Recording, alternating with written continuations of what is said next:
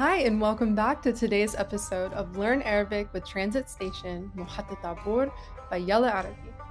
Yalla Arabi is an educational project and Arabic academy started by an Arabic teacher and an Arabic student. We created an original curriculum for learning Levantine Arabic for all levels, from zero to advanced. And we also offer other dialects and Fusha. So please don't hesitate to reach out to us if you're interested in taking classes. We are always welcoming new students from around the world to take classes online and in person at our locations in Beirut, Damascus, Cairo, Amman, Dubai, Berlin, and in the United States. More information about classes can be found on our website. We're not just about the textbooks, though.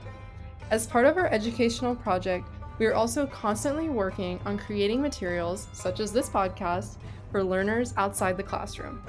Each and every episode of this podcast comes with a free PDF transcript and translation. These can also be found on our website, yellaarabi.com. So, thank you for listening to this podcast. It really means so much to us and encourages us to keep going. So, if you would like to join classes or support us through Patreon, you can find all of those links along with the link to the transcript of this podcast in the description. Amal Al Atrash better known by her stage name Ismahan, was an iconic Syrian Egyptian singer of the early 20th century. Her father came from the Druze al Atrash family, who were famous in Syria for their prominent role in fighting against the French occupation. The events surrounding her death remain mysterious. Samra will now speak about her fascinating life in detail. Asmahan ولدت آمال الأطرش عام 1912 على متن باخرة. اللي كانت عم تنقل عيلتها من مكان عمل والدها فهد الأطرش واللي كان مدير ناحية بقضاء ديمرجي بتركيا. حطت العيلة رحالة بلبنان عند قرايبينن يعني راحوا على لبنان.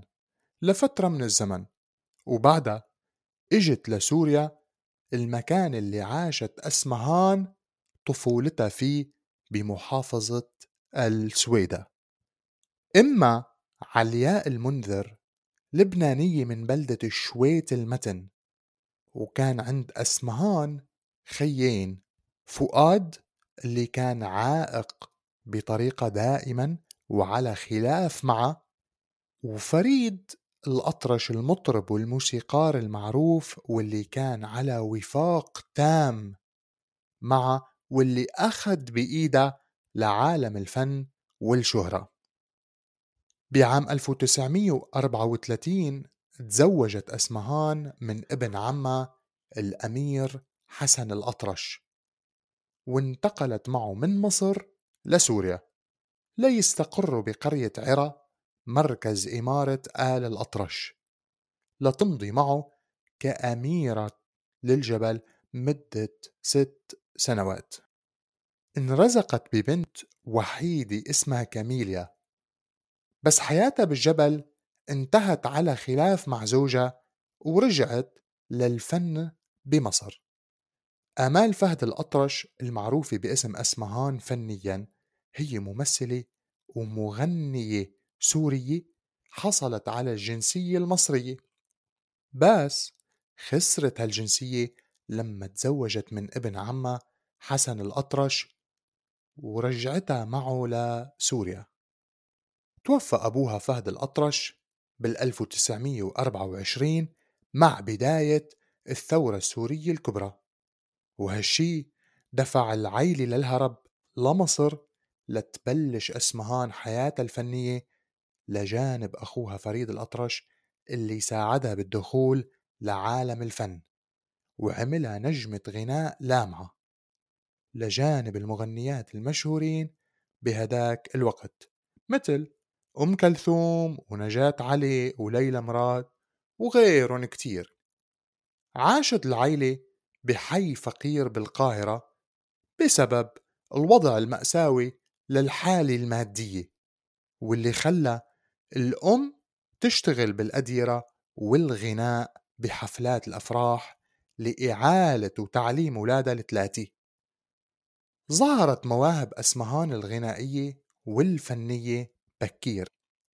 كانت تغني بالبيت والمدرسة وتردد أغاني أم كلثوم ومحمد عبد الوهاب وأخوها فريد. بيوم من الأيام استقبل فريد الأطرش ببيته الملحن داوود حسني واحد من أكبر الموسيقيين بمصر. فسمع أسمهان وهي عم تغني بغرفتها فطلب بإحضارها وسألها ترجع تغني من جديد. غنت وانعجب بصوتها. ولما انتهت قال كنت عم درب فتاة بتشبهك بصوتها وبجمالها. للأسف توفت قبل ما تنعرف وتصير مشهورة وكان اسمها أسمهان وأنا حابب أعطيكي اسمها وهيك صار اسم أمال الفني أسمهان. بدأت أسمهان تشارك أخوها فريد الأطرش بالغناء وصار نجمة يسطع بسما الأغنية العربية. ويقال إنه محمد عبد الوهاب وصف صوتها وقت كان عمرها 16 سنة وقال أسمهان فتاة صغيرة لكن صوتها صوت امرأة ناضجة. الشهرة اللي نالتها أسمهان كمطربة جميلة الصوت والصورة فتحت قدامها أو أمامها باب الدخول لعالم السينما. بال 1941 مثلت أول أفلامها طبعا لجانب خيا فريد الأطرش وشاركت بعام 1941 مثلت أول أفلامها لجانب أخوها فريد الأطرش وشاركت بغناء كل أغاني الفيلم وكان اسمه انتصار الشباب. بعام 1944 مثلت فيلم الثاني والأخير اللي كان اسمه غرام وانتقام لجانب كبار الممثلين مثل يوسف وهبي وأنور وجدي ومحمود المليجي وبشارة وكيم وسجلت فيه مجموعة من أحلى أغانيها وشهدت نهاية الفيلم نهاية حياتها. سبق وشاركت أسمهان بصوتها ببعض الأفلام مثل فيلم يوم سعيد. شاركت أسمهان الملحن والمطرب الكبير محمد عبد الوهاب الغناء في أوبريت مجنون ليلى وسجلت أغنية محلاها عيشة الفلاح بالفيلم نفسه وهي من ألحان محمد عبد الوهاب واللي سجلها بصوته فيما بعد.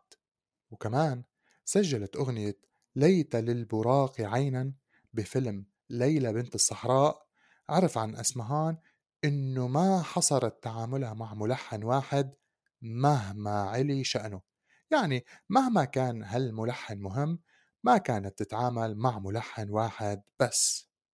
عددت أسماء الملحنين اللي غنت إلن ألحان خالدي أمثال أخوها فريد الأطرش اللي غنت أشهر أغنيتين من تلحينه وهني ليالي الأنس في فيينا وأنا أهوى بفيلم غرام وانتقام من الملحنين الكبار اللي غنت من ألحانهم كمان رياض السنباطي مثل يا لعينيك يا أيها النائم وغنت العديد من الأغاني من ألحان القصبجي مثل يا طيور وأغنية اسقنيها وفرق ما بيننا الزمان كنت الأماني بالإضافة لأغنيتين من فيلم غرام وانتقام وهني إمتى حتعرف؟ وأنا اللي استاهل.